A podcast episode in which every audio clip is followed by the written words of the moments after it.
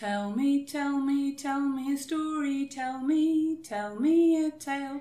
Velkommen til Fortellerradio. Jeg heter Heid Gjerstad. Aller først skal vi få høre en historie fortalt av Story Squad. Jeg heter eh, Susanne. Jeg heter Synne. Jeg heter Thea. Og jeg heter Ine Mariel, og sammen er vi Story Squad. Heia la la eia, heia la la eia, heia la la eia, heia la la eia, heia la la Vilja, eia. prinsessa, hadde fått gullkransen av Kvitebjørn kong Valomon. Og de to var på vei hjem til Kvitebjørn sitt hjemland for å leve sammen. Kvitbjørn og Vilja de beveget seg fra sommerland og til vinterland. Under potene til Kvitbjørnen så begynte sneen å smelte, og opp fra snøen så kom det friskt, grønt gress. Ned fra trærne så dryppet det iskaldt vann ned på bakken, som slynget seg videre i ville bekker hvor det hoppet villaks så våryre at kvitbjørnen han kunne tatt og fanget de med hånden så lett som bare det, hvis han bare ville. De beveget seg over en stor, gul blomstereng, og helt i enden av denne blomsterengen, der sto det et slott. Og solen det skinte ned i spirene på dette slottet. Ja, dette slottet det var så storslått at det slottet som faren til Vilja bodde i, det virket som det stussligste, minste slottet i forhold til dette slottet. Og i dette slottet, der skulle Vilja bo og leve godt. Og det eneste hun skulle tenke på, det var at varmen aldri gikk ut. Nei, det var noe forferdelig lite å skulle gjøre, da. Ja, de hadde jo helt sikkert varmepumpe. Ja. Ja, men altså, nå må dere tenke på at det var veldig mange andre mennesker som også bodde og jobba i dette huset, som Vilja måtte passe på og sånn, da. Så hun var sjef. Ja, hun var sjef. Nice. Ja. Ferdig, mann. Om dagen så var kvitbjørnen borte, men om natten så var han hos henne, og da var han en kjekk, ung konge. I Ett, To, Tre, år så fikk de to ett, to, tre barn, og i alle disse tre årene så gikk alt både godt og vel. Men for hvert av disse barna som ble født, så tok kvitbjørnen det og satte det vekk. Og Vilja hun kunne ikke forstå hvorfor kvitbjørnen ville ta barna hennes vekk fra henne, men han sa at det kun var for det beste. Og Vilja hun gråt stille hver eneste natt. Men ettersom tiden gikk, så ble hun bare mer og mer trist og lei seg. Og en dag så spurte hun kvitbjørnen om hun fikk lov til å dra hjem til vinterland og besøke faren sin og søstrene sine. Og det skulle hun nok få lov til å gjøre, sa kvitbjørnen, men hun måtte love ham en eneste ting. Og det var at hun skulle lytte til det faren hennes ba henne om å gjøre. Men ikke til det søstrene hennes sa. Så Vilja hun pakket alle tingene sine og satte snuten mot vinterland. Og da hun var kommet frem til vinterland, så Hvordan er han? Hvordan går det? Hvordan er han? Hvordan går det? Hvordan er han? Hvordan går det? Hvordan er han? Hvordan går det?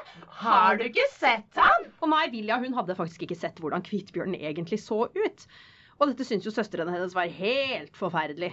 Så de sa at hun kunne få lov til å ta med seg et uh, stearinlys, sånn at hun kunne lyse på kvitbjørnen mens han lå og sov, og se hvordan han egentlig så ut. Men dette synes faren til Vilja var en fryktelig dårlig idé. Du, dette synes jeg er en fryktelig dårlig idé.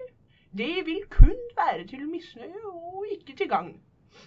Da Vilja hadde kommet tilbake til slottet og til sommerland, så fant hun ut at hun likevel hadde klart å få med seg dette stearinlyset. Og en kveld, når hvitbjørnen hadde gått og lagt seg og det var blitt mørkt ute, så klarte ikke Vilja å dy seg.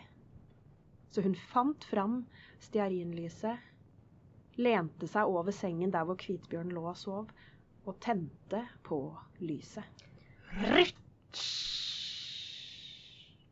Og det Vilja fikk se, det var det vakreste hun noensinne hadde sett. Kunne dette virkelig være Kvitbjørn?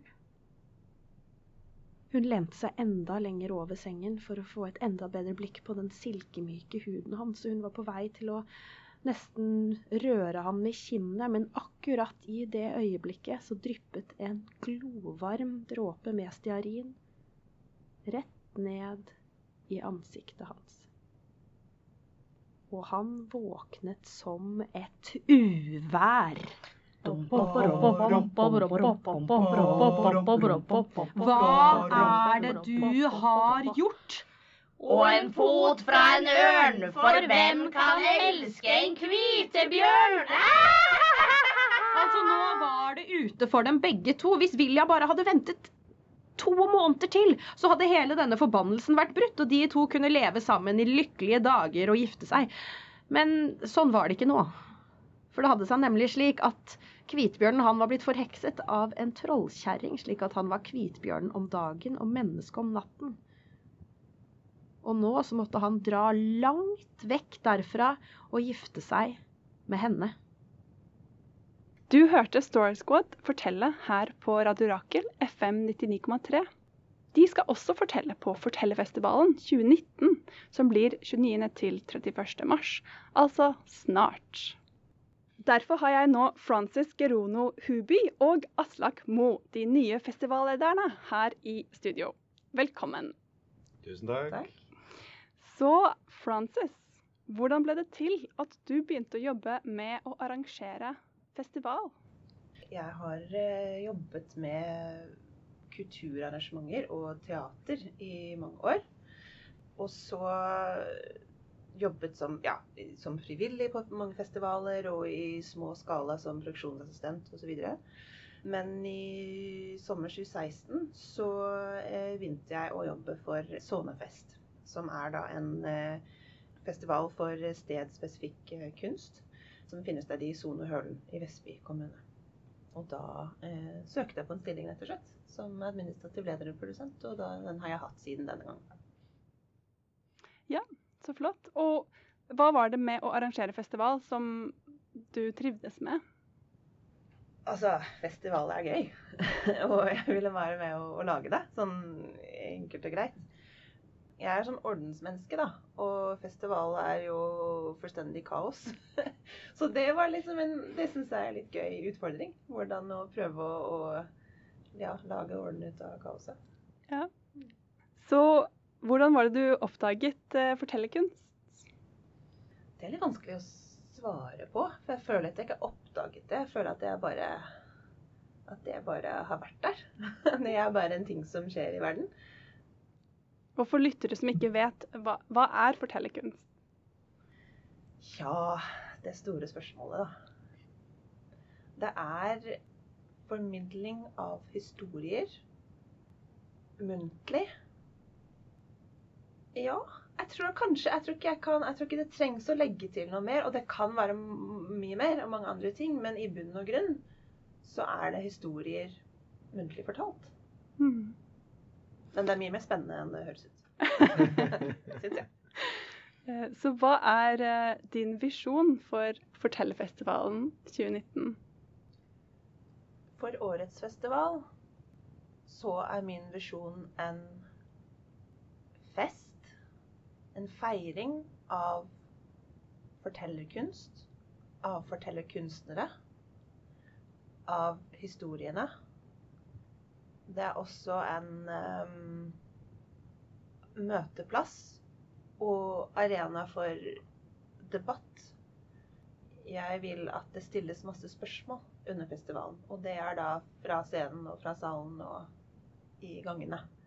Så hvem skal møte hverandre, eller hva skal de møte? Jeg tenker at man skal møte historiene, først og fremst. Men at uh, vi begge da, er opptatt av at, at, fortellere møter hverandre og møter publikum. Og vise hverandre hva de kan, hva de er interessert i, hva de ikke kan. Snakker om det. Du hører på Fortellerradio her på Radio Rakel FM 99,3. Ja, Aslak. Ja. Du har eh, bakgrunn som teaterregissør. Mm -hmm. Hvordan traff du på fortellerkunst? Nå har jeg jobba en del med monologer da, innenfor teatret. Og det og det på en måte fortellerkunst heter i teatret. Så jeg føler på en måte at jeg har jobba med det ganske lenge. Og så har jeg også jobba med de folk som kaller seg fortellere. Torgrim Mellom Stene og Anette Sandberg, hvor, eh, hvor eh, jeg og Frances traff hverandre da, i forbindelse med en forestilling som hun lagde. Ja, jeg har liksom aldri vært en sånn teaterregissør som, som får et kick av å ha et stort ensemble som jeg kan bosse rundt og gå på masse møter og, og lage spektakulær eh, scenografi og sånn. Jeg er mye mer opptatt av innholdet og historien og formidlinga og ja, publikums opplevelse av, av skuespillet, da, eller, eh, eller, eller fortellinga, da. Så, så, for meg har det liksom vært en helt naturlig ting. Jeg, har, jeg syns at, uh, at det med fortellerkunst er veldig spennende. Og, og jeg, kanskje, jeg, har kanskje lyst til å bidra med noe av det jeg kan, da, og har erfart inn i det miljøet. Mm. Så når du som regissør har jobbet med folk som definerer seg selv som fortellere, mm. og folk som tenker på seg selv som skuespillere, mm. hvordan har har det vært noen forskjeller? selv om... Ja, ja jeg jobba jo med Thomas By. Som, det var den første monologen jeg gjorde nå i nyere tid. liksom. En, som het 0 pluss 0 er 4, som, som handler om hans besettelse for justismord. En del teater og scenekunst som også henvender seg mer og mer direkte til publikum. Men det er klart du spiller jo, i hvert fall på det norske, og sånn, så spiller du ofte en rolle. ikke sant? Eh, og du er på en måte gjemt bak om ikke en fjerde vegg, så i hvert fall en illusjon og en, eh, en fiksjon og kostyme og replikker og sånn. Mens, eh, mens, her er en jo på en måte i direkte kontakt med publikum. Direkte henvendelse. Så det er jo, det er jo mer en, mer artistisk ting, egentlig. Og, og publikum påvirker jo forestillinga i teater, men, men mye, enda mer, og, og mye mer i, i, den formen. Så han har liksom utvikla det, og, og, på en måte blitt forteller, da. Så den monologen er Det er noe som han har skapt selv? Ja, i samarbeid med meg, da. Mm. Jeg har liksom coacha han, på en måte. Mm. Ja. Men ikke med den tradisjonelle forholdet til en uh, dramaturg? Altså til uh... Nei, jeg var jo hans dramaturg, men, mm. uh, men vi skrev ingenting ned. Mm. Han jobba ut det akkurat som en forteller går og gjør. Liksom øver sjøl og, og, ja. Og så er det jo fortellere som jeg har jobba med. Der er det jo ja, det er jo litt individuelt, eh, men, men, det handler jo mye av det samme at man eh, det, det handler jo veldig mye om dramaturgi, egentlig. slett. Hva, hva, skal du si, og hvor konkret kan det være, og hvilken rekkefølge? og Skjære det ned til beinet og, og, og, montere det på en spennende måte. Og, så, så, jeg syns ikke forskjellen er så veldig stor. Så er selvfølgelig forskjellig hva slags historie man forteller. Også, hvis, hvis, man har lagd en historie sjøl, eh, kanskje basert på research eller nåtid eller egen, egen stoff, sånn, så er det jo på en måte et manus man utvikler. Sjøl om fortellerne ikke vil at det skal kalles manus. Så, så, kan man i hvert fall skrive det ned etterpå og kalle det et manus. Man har lagt en, en, en form. Uh, mens hvis man og, det gjør man vel også i noen grad med tradisjonsstoff, men det det vil jeg oppfatte. Mm. Ikke sant? Men, men, likevel, der er jo på en måte et forelegg som er antagelig lettere å gå til. Mm. Jeg, jeg, tror kanskje noen ville sagt at det er like, like mye arbeid ja. i, uh, ja. i, det. Men mm. um, hva er din visjon, uh, Aslak, for Fortellerfestivalen 2019? Ja, altså nå tok jo vi over som ledere her ved nyttår etter at festivalen hadde vært uten leder, faktisk, i, i, en liten stund. Så, så, det som er viktig for oss nå, er på en måte å, å lage en fin festival. Ikke så stor blir den, men den blir ganske variert og spennende. Og, og liksom, ja, få til det på en ok måte. Gjøre masse erfaringer og lærdom. Og få miljøet i tale også. Vi legger opp til noen, eh, noen treffpunkter hvor vi rett og slett diskutere med miljøet internt. Både formelt og uformelt. Og, og ønsker å liksom skape et treff, eh, sosialt og faglig treffpunkt for, eh, for fortellere. Da. Jeg ser det litt som en sånn akutt prosess, en læringsprosess, kan du si. Og så, og så kommer vi sikkert sterkere tilbake hvis vi får lov å fortsette. Ja, dere har hatt veldig kort tid på å, på å forberede festivalen. Vi får høre litt mer om eh, innholdet i festivalen etter eh, en eh, liten historie til fra Story Squad. De skal fortelle på festivalen på søndagen 31. mars. Og det er et samarbeid med Fortellerkafeen. Ja. men på Riksscenen. Mm. Ja. De har på en måte flytta fortellerkafeen dit Ja. på vårt initiativ. Mm. Ja. Mm. Vær så god. Men en dag, da Aladdin var ute på torget, kom det en fremmed gående forbi. Den fremmede stoppet og sto lenge og så på Aladdin. Å, min sønn. Jeg er onkelen din, og faren din var min aller kjæreste bror. I mange år har jeg vært ute på reise, men nå har jeg kommet hjem for å treffe ham. Gå til moren din straks og si at jeg vil besøke henne og huset til min bror. Og med disse ordene ga han Aladdin en hel håndfull med gullpenger. Fornøyd løp Aladdin hjem og fortalte at han hadde møtt en fremmed mann som sa at han var onkelen hans, og gitt ham alle disse gullpengene.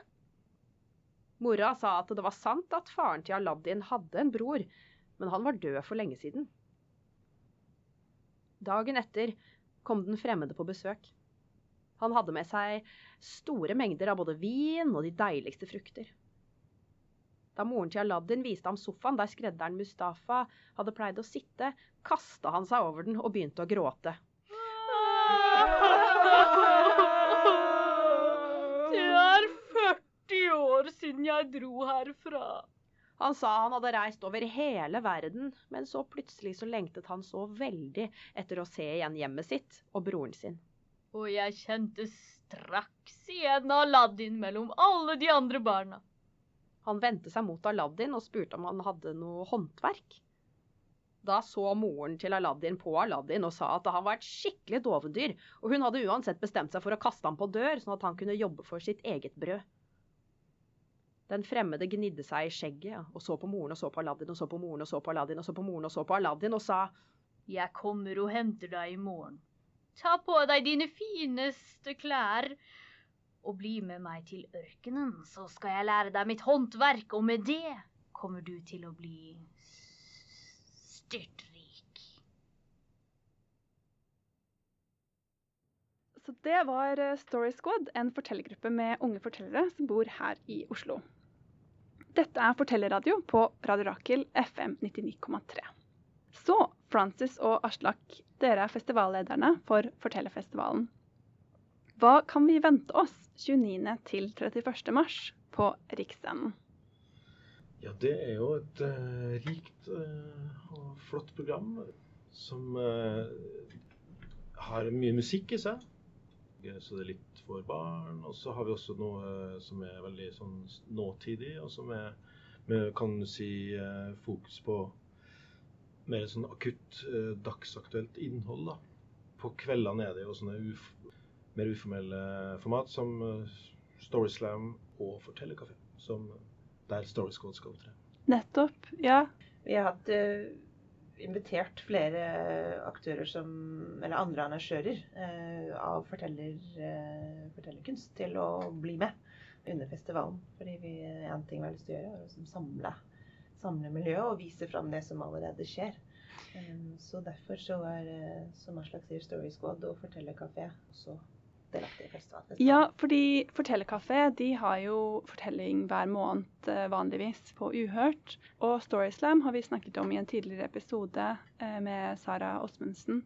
Storyslam og Fortellerkafé er eksisterende konsepter, eksisterende scener faktisk i Oslo. Ja. Eh, som vi da flytter, eller inviterer inn eh, under festivalparaplyen nå denne helgen. Ja, Sånn at eh, festivalbesøkerne kan se hvor de kan høre fortelling litt ellers også etter festivalen, om de har fått smaken for det. Nettopp. Mm, absolutt. Mm. Så, hva skjer, eh, så det skjer på kveldene. Eh, og hva skjer da på dagtid? På fredag så har vi egentlig eh, noen interne arrangement for forteller, eh, for, altså profesjonelle fortellere og studenter. Så det trenger vi ikke gå så langt inn i nå, kanskje. Men er det noe av det Francis snakket om tidligere i forhold til møteplass og diskusjon? Mm, ja, absolutt. Det er det. For det er en del fortellere som lytter. Ja, ja, eh, ja, vi skal snakke om det. Ja, det er jo da altså um, Vi har fått tak i eh, en som heter Leif Stinnebom, som også er regissør for eh, to av forestillingene på, eh, på lørdag. Eh, Den ene heter 'Frøken', den andre heter 'Noen kommer til å komme'. Og han er jo litt en legende innenfor nordisk eh, fortellerkunst, fordi han driver jo et regionteater i Sverige som heter Vestanå teater i Värmland. Der de har eh, en helt spesiell scene som er fylkets største låve, som er bygd om til fortellerscene i litt sånn Shakespeare uh, The Globe-stil. Og der uh, driver de bare med fortellerteater og har gjort det i mange mange år. Og folk kommer jo langveisfra hver sommer for å se, se, det der. Og det er også med mye musikk og, og dans, folkedans og sånn. Så, så blir det at uh, profesjonelle fortellere som har lyst til å melde seg på, på en måte melder seg på det? Ja, det melder seg på. Det blir en uh, foredrag, et inspirasjonsforedrag av han, kan du si. Mm.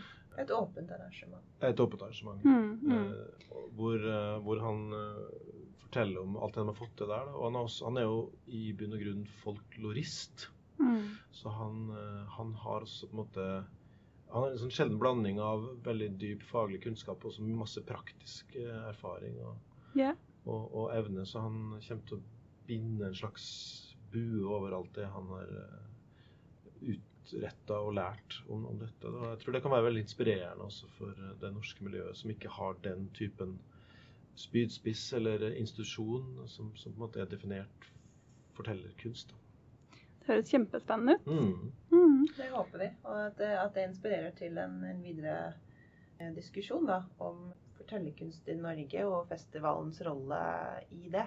Hva vil vi, hvor skal vi, hva gjør vi eh, sammen? Og så har vi en uh, samtale med fortellere som egentlig handler om hva vi Altså, hva var det vi fant ut for tittel på det? Hva vil vi med Fortellerfestivalen? Hva vil vi med Fortellerfestivalen, ja. ja. Ikke sant. Høres beskrivende ut. Ja, mm. det er ikke sant. Så, og det er jo det som alle dem vi snakker med, er opptatt av, egentlig. Nå er jo vi akkurat starta, så da er det måte, rett tidspunkt å ha veldig store ører på, tenker vi. Fordi eh, det er jo den eneste utenom eh, fortellerstudiet da, på, på Oslo OsloMet, så er vi jo på en måte den eneste institusjonen som, som finnes i miljøet, så vi føler et veldig ansvar for eh, miljøet og på en måte kunstarten i seg sjøl. Så det er viktig for oss at, at vi har med alle alle på laget der, sånn at vi kan på en måte vokse sammen. Så om du lytter nå og er forteller med meninger om uh, hvor fortellerkunst går videre, så er det det arrangementet som da er på fredag også, ja, og det er uh, på, som gjelder å dra til. Mm, og det er på den kafeen rett ved Riksscenen som heter Lille Oslo. Yes. Så der er det møteplikt, for å si det med et litt gammeldags, gammeldags ord. Ja, mm. så bra. Da får vi håpe at de har plass nok på, på den kafeen. Ja, det får vi håpe. Hva ellers skjer, Francis? På lørdag eh, begynner vi med et eh, profesjonelt eh, workshop for, eh, for, fortellere og andre scenekunstnere, også studenter, som eh, holdes av en gruppe som heter Theatre Duo da, eh, fra Sør-Afrika. Det heter også African Storytelling in Theatre. Og handler om bruk av stemme og kropp i fortelling etter det så Det høres jo kjempespennende ut. Ja, de, jeg tror det litt, litt spesielle med dem er at de på en måte genererer tekst eller stoff fra kroppen, fra fysikk, rett og slett. Mm. De vil dele av sin metode. Og da er det lurt å nevne at de spiller også forestilling under festivalen. Altså de, de skal ha en forestilling som heter Svalo på søndagen de som er spesielt interesserte, får anledning til å melde seg på og få en fordypning i den metoden som eh, har resultert i den forestillingen, bl.a. Mm, så flott. Så om du melder deg på og får lært litt, så får du også se det i aksjon, på en måte. Ja. Mm. Mm. ja. Men, eh, men, det er jo morsomt når det kan liksom ha litt mer crossover-effekt. Det er jo noe som også vi er litt opptatt av. at man ja, både dans, fysisk teater, eh, teater mer tradisjonelt teater og fortellerkunst. At man må liksom lære å stjele litt elegant fra hverandre. Mm. La seg inspirere, sånn at man ikke sitter på hver sin tue og ja. ja. Tverrfaglighet. Tverrfaglighet. Det var jo litt tips, er det ikke det? jo. Yes. Men også det, men også, ja, altså det formatet er tverrfaglig, men, men også det med det vi også har lyst til å bringe fram, er det med, med deling. Og, og, den gruppa er veldig veldig keen på å, å snakke om hva de gjør. Og, og, de kommer til også å ha en litt sånn uh, ettersnakk uh, etter forestillingen. om Der de forteller publikum også mer om hvordan det ble laget og sånt. Det er noe som man kan virkelig fordype seg i. Mm. Ja. Ja, rett etter den, altså rett etter lunsj der, så På lørdagen? På lørdagen, ja. Så har vi et samarbeid med det nyåpna Deichman bibliotek i Grünerløkka, som jo ligger på Skaus plass, altså et steinkast bokstavelig talt unna. Så der, der blir det en eh, tradisjonsorientert eh, barneforestilling som heter 'Det tusler i skog og lusker i svarteste berg'. Ja. Og det er det Kirsti Sæter fra Nord-Østerdalen som står for. Mm. Så, så der blir det eventyr og litt sang, tror jeg også det blir. Ja. Mm. Og da har biblioteket et konsept som heter Barnas eh, lørdag. eh, Som de kommer til å ha fast, og da går den inn i, innunder der også. Så det Mm. kan man oppleve. Det er gratis. Mm. Det er gratis. Mm. Rett etter det så er vi på klubbscenen på Riksscenen med en forestilling som heter Det blå båndet, som er et eh, eventyr samla inn av Asbjørnsen og Moe, men som ingen har hørt om. Og grunnen er nok at det er ekstremt eh, voldelig. Rett og slett. Det er ikke det eneste eventyret som er uh, Neida. voldelig. Nei da, men jeg kan snakke for meg sjøl. Jeg hadde ikke hørt om det. Og og når jeg leste det, så skjønte jeg i hvert fall hvorfor mora mi ikke hadde lest det for meg. Ja. Eh, så det ja, og det, lytterne våre har eh, hørt om det, fordi vi hadde Charlotte Øster her på programmet, og hun fortalte et lite utdrag av det. Ja, Så eh, der, der fikk de litt smakebit. Og der er det jo tre musikere med også, og med originalmusikk skrevet til denne forestillinga. Med Cicada. Ja. Sammen med Cicada. Ja, og komponisten som heter Maja Linderoth. Ja, Maja Lindroth, som er svensk. Ja, du har, eh, så Aslak, du har faktisk vært og hørt litt uh, i forkant av Det blå båndet. Ja da, det er sånn prøve, som det kalles. Der har jeg vært, ja. Og, så det var utrolig givende. Det er jo fantastisk når, eh, når musikk og, og fortelling går i spenn på den måten, så løfter det seg veldig og blir på en måte større enn sine enkeltheter. Så, så det blir et utrolig spennende, spennende prosjekt. Og Maja Lindroth var veldig det var en veldig kreativ Man tror jo liksom at når komponister har skrevet noe, så står det der på en måte rissa i stein. Men, men ja, hun var med veldig sånn pragmatisk på en teatervennlig eller forestillingsvennlig måte. Ja, men Da tar vi bort den klanetten, sånn at vi hører hva Charlotte sier. Og så må hun også gi og ta. ikke sant? Så det, det, det kan bli utrolig spesielt, faktisk. Og måte mye produksjonsverdi, eller hva man skal kalle det. Ja, vi hadde Ylva Sjåstad her eh, i studio, og så lytterne får høre litt om hennes arbeid med musikk og fortelling. Mm. For det er eh, eh, Hun kom fra folkemusikk og, og til det med fortelling. Og det er selvfølgelig mange måter man kan jobbe med musikk og fortelling på. Jeg Mm. mener det er eh, bare endeløst. Ja. Men det er eh, da et program der vi går litt dypere inn i det. Men jeg har lyst til å egentlig snakke med deg etterpå, Aslak. Fordi eh, det er noen ting ved den forestillingen som jeg lurer på hvilke avgjørelser hun tok. Men jeg skal ikke ta det nå, fordi at jeg vil at folk skal også kunne glede seg til det blå båndet og ikke få noen spoilers fra meg. Ja, ja. Så er det flere ting som skjer på lørdagen? Det er det. Jo, eh, etter Det blå båndet så er det en fortelling eh, med Fredrik Høyer, som jo er en eh, kjenning innenfor festivalen. Som, er, som jo ikke måtte først og fremst definerer seg som forteller, men som, som er mer en poet og forfatter, men, men med mye live-opptredener. Dagen før faktisk så slipper han en plate slash podkast som heter Til alt ute som er en forestilling eh, som erklærer sin kjærlighet til alt som er ute. Og mer konkret så handler det om eh, Oslo-natta, akkurat der eh, hvor, hvor, hvor man liksom tar ut det siste av festen, da, altså akkurat når utestedene stenger. og sånn. Så dette er ikke tradisjonsmateriale? Nei, det kan man nok ikke si. Nei, dette er meget urbant og, og, og dagsaktuelt, og, og ganske poetisk også, tror jeg. Mm. Så det, det ser vi veldig fram til. Absolutt. Og så etter det? Da har vi eh, et eh, par eh, forestillinger som presenteres i samarbeid med Riksscenen. Og, og også med Vestland Teater. Der Leif Stillemom, som vi snakket om i forhold til Beretterlaten-prosjektet og med mer, han har regi på begge, eller bare Mm, begge to. Ja. Så Leif Stillemom fra Vestland har regi på begge disse forestillingene. Den ene heter 'Frøken', og er igjen da musikk og fortelling. eh, to eh, felespillere eh, som eh, bruker musikk og, og, og historier. Og Noen kommer til å komme, som er et stykke av Jon Fosse. Som presenteres da i en eh, hjort, en mongolsk hjort, som settes opp inne på Riksscenen. Så den eh, blir en ganske unik eh, opplevelse, tror vi. Så publikum er da inne i hjorten. Stemmer. Mm. Ja. Så det var han som har det inspirasjonstalen på Riktig. fredag. Ja, det er riktig. Riktig. Ja. Ja. Så han er i byen, kan du si. Mm. Mm. Ja. Og den frøken er, det, det høres ut som det handler om en ung jente, sånn, men det handler faktisk om en eh, sånn boms, nærmest. En bygdeoriginal oppi en bygd i Nord-Sverige. Som ble kalt for Frøken. Mm. Og som alle hakka på. Så den forteller den historien eh, med musikk og, og fortellinga i, en, i en skjønn forening. Så det, det blir utrolig spennende. Mm. Så det var uh, lørdagen. Uh, høres ut som et uh, fullt program.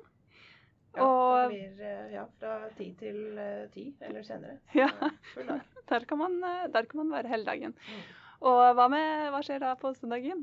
På søndag starter vi med, en, med å invitere til å komme og spise brunsj med oss. Eller med hverandre. Altså alle som eh, vil eh, fortsette da, den diskusjonen om, eh, om fortellerkunsten og, og festivalen og hva som rører seg, så er det veldig hyggelig hvis dere er med og spiser brunsj med oss på Kafé Lille Oslo, altså ved Riksscenen. Så Mm. det er sånn litt en slow start på dagen. Men etter det så, så er vi i gang igjen med en, en til nytt eh, verk som eh, festivalen har Altså bestillingsverk som festivalen har initiert. Den heter 'Stjerne sørlender' og er for eh, barn fra fire år og, og voksne. Alle fra fire år oppover. Da vil jeg bare si at eh, dere som begynte å lytte nå, vi snakker om programmet til Fortellerfestivalen, og det er eh, 29. til 31. mars. Og da har vi kommet til søndagen. Ja, den produksjonen den er en eh, På lik linje med Det blå båndet, så bruker den tradisjonsmaterialet i et nytt format eh, med eh, nykomponert musikk. I denne runde så er det med Martin eh, Hirsti Kvam og med musikere fra Det Norske Kammerorkester. Heidi Dalsveen er da fortelleren. Det er basert på eventyret 'Askeladden som stjal trollets sølvender', men eh, her så heter den bare 'Stjele sølvender'. Så det er litt eh, Ja, den er ikke helt uh, 1800-tallsspråk på den, tror jeg. Ja, Så det, det starter man søndagen med. eh, Etter brunch, Etter brunsjen. det er lov å si. Da Mm. har vi den. Og så er det Svalo, altså eh, forestillingen fra Theaterduo fra Sør-Afrika, som vi snakker snakket om. Og så kommer det en program på som heter A Human Oslo. Som, er, eh, som jeg tror Aslak skal få lov å, å, å snakke om, fordi han eh, kjenner en som heter Ifit Kureshi, som Mm. eh, kommer til å eh, stå på scenen da. Mm. Ja, det, det, dette, dette er egentlig en, en idé som jeg har hatt til en helaftens teaterforestilling lenge, men som aldri har eh, måte, kommet til overflaten. Men det er riktig, det handler om Ifit Kureshi, som er jo da fra Skottland. eh, Men med en bakgrunn kulturelt da, og fra Pakistan. Men som har bodd i Norge i mange år. Hun, eh, når, hun, hun har vært aktiv i debatt og kronikkskriving og sånn om, om eh, rasisme og integrering. Det er jo et kjent navn. Ja, det er kjent navn, ikke sant? Eh, Takk for det. Etter 22. juli så mista hun helt trua på å diskutere, egentlig, og skrive kronikker. Fordi hun opplevde at, eh, at de forskjellige meningsstandpunktene flytta seg veldig sjelden. Så hun, hun, hun tok en helt annen eh, tilnærming og, og begynte å gå ut på gata og, og henvende seg til fremmede som hun syntes så ut som de hadde en historie. Og begynte å intervjue dem. eh, Alt fra en halvtime til, til et par timer. Og så tok jeg også bilder av dem. Ganske flotte bilder. Og dette publiserte jeg da på en, en blogg og en Facebook-side som heter Humans of Oslo. Som er Tilsvarende Humans of New York. Ja, det, Mm. den, det starta der i, i, New York, og, og hun har gjort det på en måte her, da. Og da, den har Sist jeg telte, så har den mellom 41 og 42 000 følgere. Så det er jo ganske imponerende. Eh, Det er på en måte en, eh, en feiring av mangfold i Oslo på en utrolig håndfast og, og nær måte. det som er unikt som med, med, med, Ifit, det er jo at hun, hun har en evne til å få kontakt med folk da, på veldig kort tid. En evne som mange journalister har prøvd å finne ut hvordan hun gjør. Men det er selvfølgelig hennes personlighet altså, som, som, gjør dette. Så jeg syns det er Så hvordan blir det som en forestilling? Ja, det, det er Som jeg nevnte, så, så var jo 22. et veldig vendepunkt for hun som, som på en måte deltaker i samfunnet. da. Det hører med også med til historien at, at hun hadde jo blitt følte seg veldig utafor kulturelt i Skottland fra før. Og når hun flytta til Norge, så, så, så, bestemte hun seg på en måte for å, å, bare innrette seg etter at her hører ikke hun til. Bare for å måte slippe å ha den illusjonen. Um, men gjennom å på en måte bli en kronikør, da, så, så tror jeg hun har hun har følt mer og mer en, en, tilknytning. Og det ble en veldig suksess. Det, ble en bok av det også som ble kalt 'Oslofolk', og flere vellykka utstillinger også. Men noe senere, da, et par-fire år senere etter at du begynte, rett etter boka kom ut, så var jeg ute for en veldig ubehagelig opplevelse som var rasistisk eh, motivert. Jeg, vil ikke spoile akkurat hva det var, men, men det, det, gjorde at hun på en måte da måtte trekke følehornene til seg. Og, og, hun har brukt egentlig tida siden da fram til nå til å gjenvinne tilliten til, til folk i Oslo. Og, og, og fremme det særskilt. Så, så da har måttet revurdert hele sitt liv og sin tilnærming. Så det er en historie om dette, egentlig. Eh, så Aslak, eh, hvordan er, eh, hvordan er det disse erfaringene har, Hvordan har Ifit Qureshi gjort disse erfaringene til en forestilling? Nei, det er noe som vi jobber med nå, faktisk. Så hun er jo en erfaren foredragsholder og, og en, en måte veldig sånn uh, outspoken person, på godt norsk.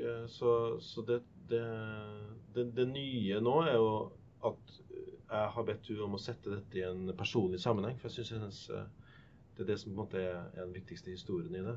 Og, og det er derfor også vi har gitt det tittelen 'A Human of Oslo'. Fordi eh, det handler på en måte om, om, hennes kamp for å høre til, egentlig. Mm.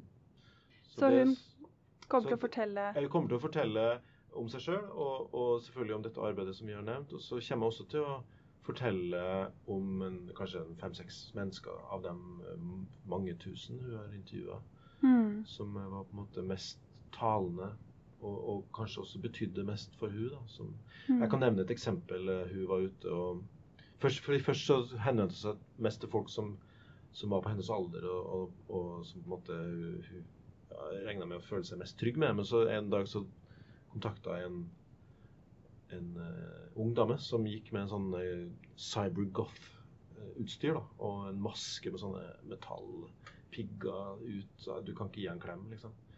Og så, så... Ja, ikke literally en maske, men Jo, eh, jo, jo. hun gikk ja, okay. med lærmaske med spikes på. ja. Og... Altså du kunne ikke se ansiktet? Nei, jo, delvis. Vil jeg mm. Det vil jeg tro. Mm. Og, og, og, hun liksom spurte hvorfor i verden går du med, med sånne ting, liksom. Eh. Og, og, så etter hvert som de snakka, så viste det at de hadde veldig mye til felles. da. De følte seg utafor. Kanskje blitt litt uh, mobba og sånn. Og, og trengte på en måte en måte å vinne kontroll eh, over eh, virkeligheten når de var ute og gikk. da. Så, så det viser at de, det var kanskje den som ligna hun mest av alle hun hadde snakka med. Så etter det så skjønte hun at hun måtte gå etter folk som var forskjellige fra hun da. Så, så, den, så, på den måten har det blitt en veldig stor personlig reise for hun, tror jeg. Mm. Så dette er på søndagen. Mm. Så hva ellers er det ja, du ser på meg, men jeg tror det er jeg skal ta det nå. best ja, å snakke ja, om det. Nei, altså, et, da har vi en liten middagspause. Etter det så har vi eh, et programpost som vi har rett og slett kalt for Akuttfortelling. Mm. Som er på en måte eh, sett mer søkelys på en fortelling som brant etter å bli fortalt. Som på en måte måtte ut. Det er med en lege som heter Hanne Heslein Lossius. Som uh, har vært Eh, i Hellas, i en flyktningleir som er en transittleir for nyankomne på Lesvos.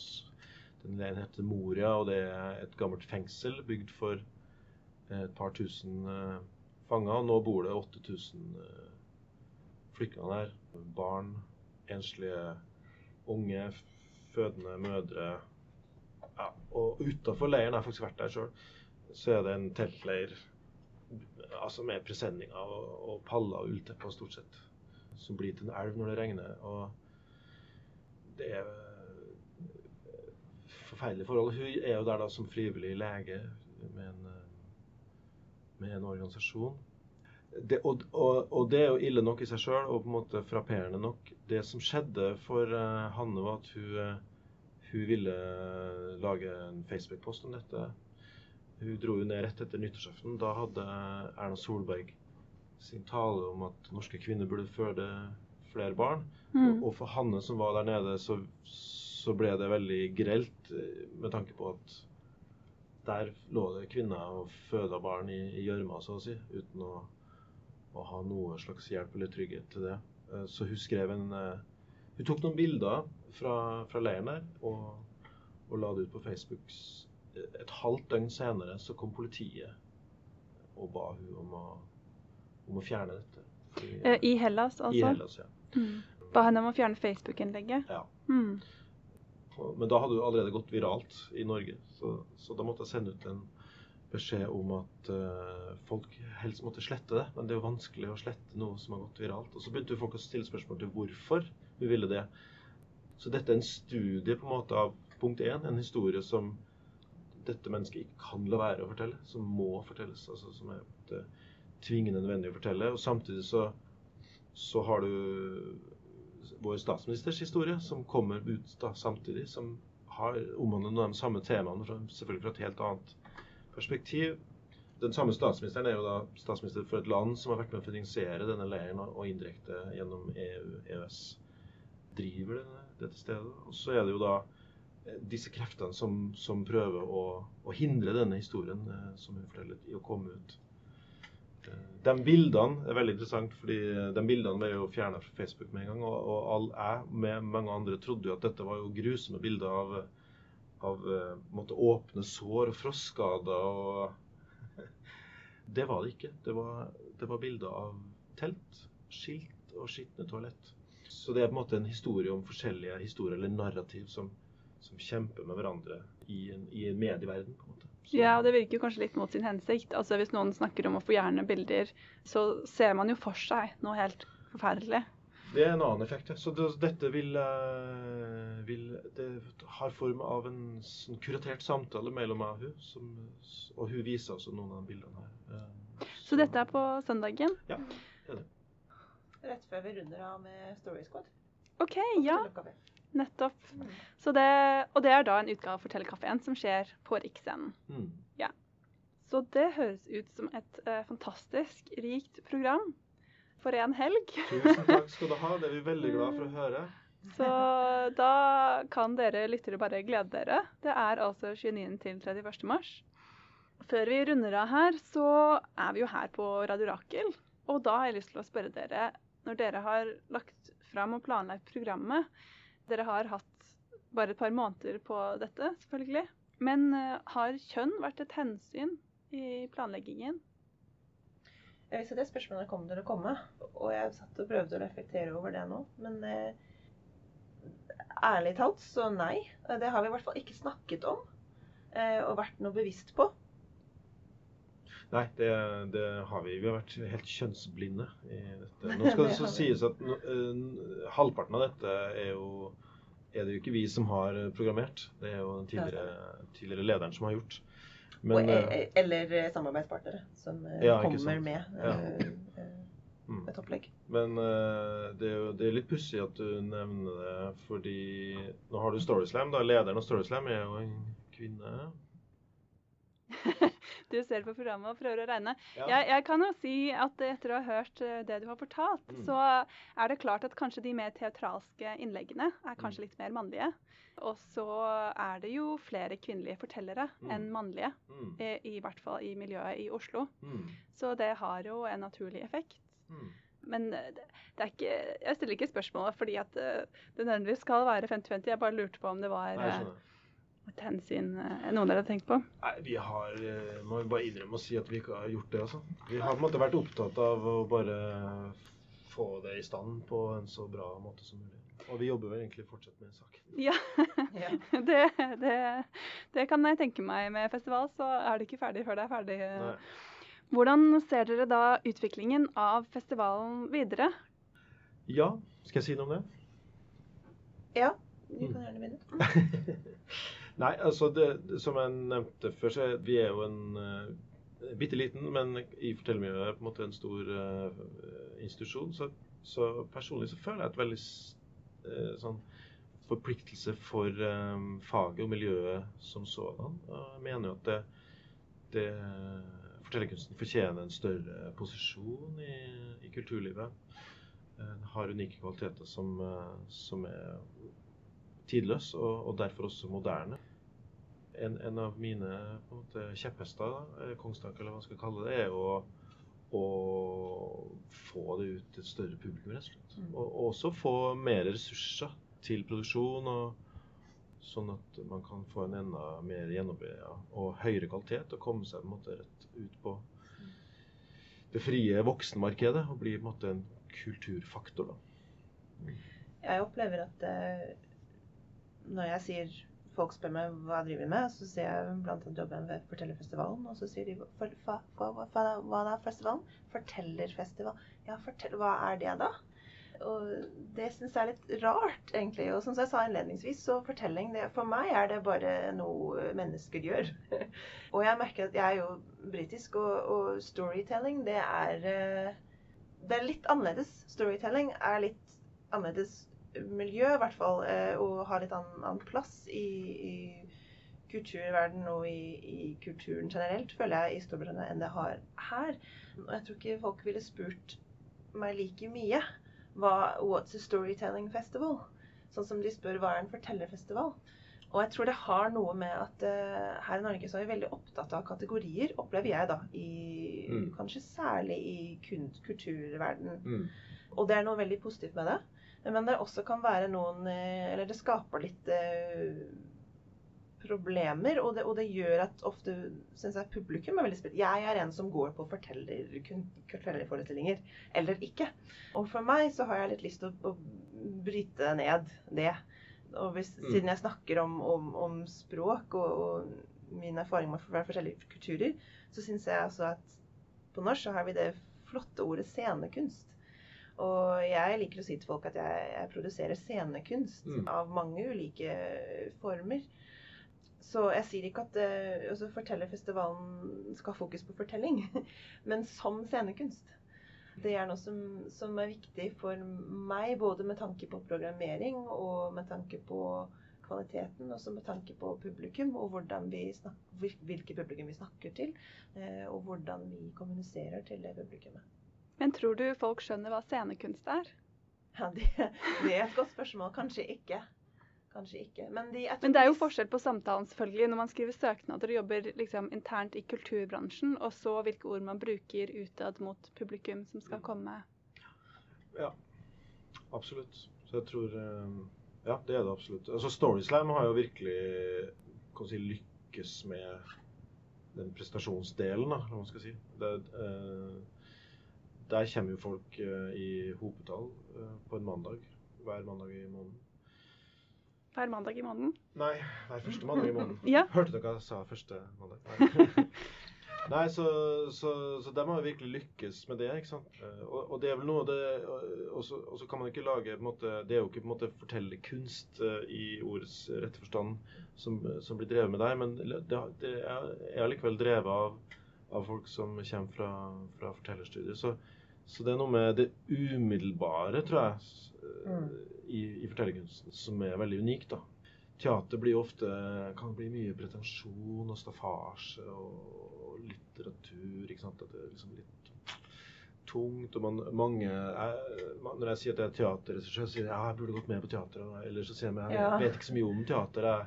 Men det tror jeg ikke folk vil si om fortellerkunst, bortsett fra at de ikke har hørt om det. Så tror jeg liksom, Hvis man sier ja, men det er jo, det er jo egentlig at noen forteller en historie, at du hører på, og det dannes bilder i hodet ditt, og du får en, en emosjonell uh, opplevelse av det. Ja, det tror jeg er mye lettere å forstå, på en måte, så det fins et utrolig potensial i den, men i da, den formen. men da hjelper det å holde det litt atskilt. At at man ikke møter på de uh, reaksjonene som man får ved Mm, mm. teater. Ja, men, eh, men det er noe med at hvis man vet hvem man er, så tåler man også å gå i dialog med andre. Så, så jeg, jeg tror ikke at det miljøet kommer til å forsvinne eller gå i stykker av å, av å la seg kanskje inspirere litt mer av andre scenekunstformer enn det, enn det har vært da før. Men jeg tenker også at eh, ja, de aller fleste har opplevd eh, fortelling. Og forteller til en viss grad. Altså, jeg mener det. Det er veldig sånn mennes menneskelig ting. Mm. Men jeg tror ikke det er så mange som sier at jeg bør høre mer fortellinger. eller jeg bør gå på, Mens de mener at de bør gå på teater. Ja. Jeg mener at de bør gå på fortell- fortellerteater. Ja. Men, men poenget er at eh, altså, ja, at man, at man ikke At man stopper opp på det med det på et tidspunkt. Altså for ba fortelling, eventyr for barn, og det er greit. Men som voksne så trenger vi ikke lenger. Og jeg trenger det. Og, og jeg vil at flere får oppleve det. For det kan være så fryktelig spennende og nært og truffende og altså, Ja, det kan være så mange ting. Og jeg vil bidra til at flere har de opplevelsene. Ja, og da er det kanskje nettopp det at det ikke regnes som i gåstein høykultur. For at det er, eh, det er en terskel der. Det er folk som er sånn Jeg går ikke på teater. Akkurat som det er folk som Jeg går ikke på opera. Mm. Fordi ikke sant, jeg har ikke råd til det. Jeg er ikke en sånn type person. Jeg går kanskje Mm. på rockekonsert, eller jeg går går tur i skogen. Altså, men at fortelling kan være både for de som går på teater eller opera, men også kanskje for de som ikke tenker på seg selv som en sånn person. Mm. Ja, men jeg tror det kan, at folk kan stoppes av å gå og oppleve eller oppsøke fortelling fordi de ikke veit helt hva det er. Mm. Sånn At jeg er en person som går på teater, jeg er en person som går på rockekonsert, eller jeg er en person som jeg, tror det er en mindre gruppe av personer som sier at jeg går på, på fortellerteater, og jeg vil at den gruppen kan bli større. Og festivalens rolle i det da er å, å kontinuerlig jobbe med, eller egentlig spørre, hva er fortellerkunst? Hva er fortellerkunstens for relasjonen til andre typer kunst? Til andre typer scenekunst? At, at, den, at man hele tida utfordrer det og undersøker ulike måter å, å, å presentere eh, og oppleve fortelling. Mm. Dere skal slippe å svare på det her hvis dere ikke føler for det. Men eh, hvis dere fortsetter til neste år eh, med litt mer tid enn dere har fått nå til å arrangere, til å, å booke folk, hvem hadde stått på ønskelisten? Ja, det, det vet vi ikke. Det er jo de aller beste. og mest spennende. Og relevante. Ja. Eh, Det, er ikke noen navn som, som, som jeg har lyst til å, nevne, i hvert fall. Men eh, eller som vi egentlig har snakket om, om sånn, det, det vi har snakket om, er mer på generell basis, men jeg mener det på, jeg håper det på en positiv måte. At eh, ja, kvalitet og, og, og sånn, men også ja, nasjonalt, regionalt, internasjonalt. Det skal vi ha. Vi skal ha for forskjellige målgrupper. Vi skal ha for for forskjellige formater.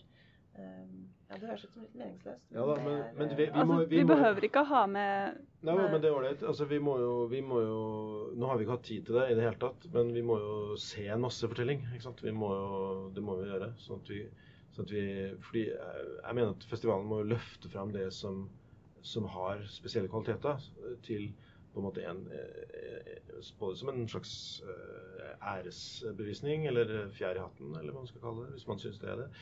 Men også som inspirasjon og noe å strekke seg etter for, for andre. Og så, må vi også sørge for noe rekruttering. Vi vil gjerne knytte oss nærmere til fortellerstudiet på Høgskolen her i Oslo.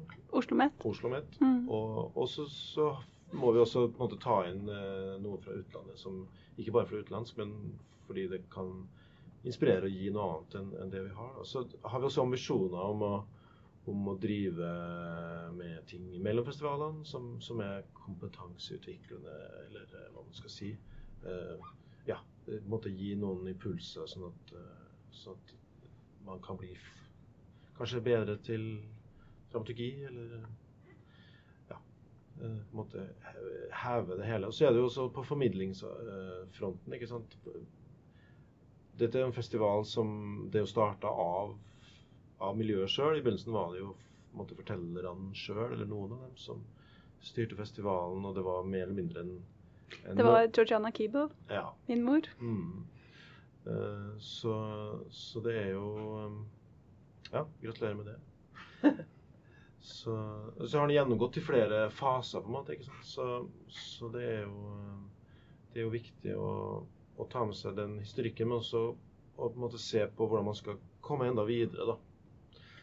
Så, så det er sånne ting vi tenker på. Mm. Vi vil jo vise noe av det beste som, som er ute og går nå, men jeg mener også det er viktig å prøve å plukke opp eh, både historier og historiefortellere som ikke har en scene allerede. Og det er noe som vi har prøvd å gjøre med altså den akuttfortellingen og Human of Oslo. Det er ikke nødvendigvis eksisterende forestillinger i, det, i den formatet som de vises på festivalen. Mm. Eh, og det er ikke nødvendigvis mennesker som er eh, fulltidsfortellere, men det er folk som forteller, og er god til det, etter vår eh, mening, og har en viktig og interessant historie å fortelle på en interessant måte. Det Mm. syns jeg festivalen skal vise. Mm. I tillegg da til folk som allerede jobber med å utvikle fortellinger og, og plukke opp de og, og, og vise det beste av det. Men vi skal, vi skal plukke, men vi skal også grave. Mm. Mm. Takk til dere, Frances og Aslak. Da håper jeg lytterne har blitt litt klokere på hva som kommer i Fortellfestivalen 2019. Dere har jo kommet inn som festivallederne med litt kort varsel, men jeg syns det høres ut som et fantastisk program, og gleder meg. Til slutt skal vi få enda en smakebit fra fortellerne i Story Squad. Vær så god. Dagen etter vandret Aladdin og onkelen ut i den varme ørkenen, der solen stekte dem i nakken. De vandret både langt og lenge, og etter hvert var varmen byttet ut med kulde og solen med en svartmalt himmel. Onkelen stoppet plutselig opp, fant frem en liten pose med grønt pulver fra innerlomma og smalt det ned i sanden. Med ett tok jorda til å løfte seg og slå sprekker, og en stor, flat stein med en metallring i kom fra en av sprekkene. Da ble Aladdin så redd at han prøvde å løpe derfra, men da smekket onkelen til han så han falt over ende. Hvis Aladdin ville ha den rikdommen han hadde blitt lovet, så måtte han gjøre akkurat det han ble bedt om å gjøre. Onkelen forklarte at under steinen var det gjemt en skatt som skulle gjøre dem rikere enn sultanen selv, men at det kun var Aladdin som kunne løfte den opp. Seriøst.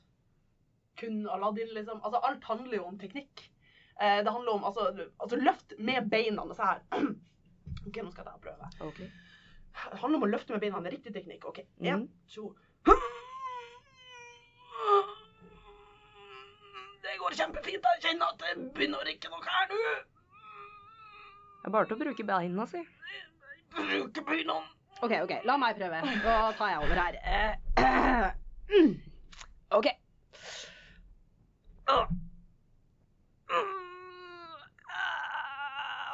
Ja, det er bra teknikk. Det er bra teknikk.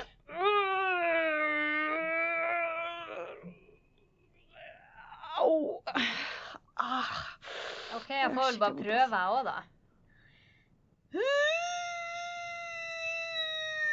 Ja, det er jo riktig teknikk. Susanne, kan ikke du bare sette på den der eh, Aladdin-hatten? og så- Den- den fesen her? Ta testet. Ja, OK. Uh, der. Oi. Det gikk. Nei. Nei. Nei. Nei. Under steinen kunne han se hundrevis av trappetrinn som førte ned til et mørkt rom. Aladdin var på vei til å ta det første skrittet ned da onkelen hans stoppet han. Når du kommer ned, vil du se en hage med de skjønneste frukttrær, men du får ikke røre noe. Du skal gå rett gjennom hagen, og i enden av hagen vil du se en dør. Gå inn døren, og der ser du en hylle på veggen. Og på den hyllen står det en fortryllende lampe. Denne skal du ta med tilbake til meg. Gå nå, min sønn, så skal vi bli rike, både du og jeg. Dette har vært Fortellerradio. Du kan finne programmet som podkast på iTunes, Player FM og andre podkaststeder. Jeg heter Heid Gjerstad. På gjenhør. Tell me, tell me, tell me a story, tell me, tell me a tale. Fortellerradio er støttet av Kulturrådet, Prosjektstøtte kulturvern og av Oslo kommune. Kjenner du noen du mener er kjempegode til å fortelle? Tips oss gjennom kontaktskjema på fortellerhuset.no, og kanskje også de blir gjest i programmet. Tell me, tell me, tell me a story, tell me, tell me. Listen to my story, listen and listen well. Listen to my story, listen, and I will tell.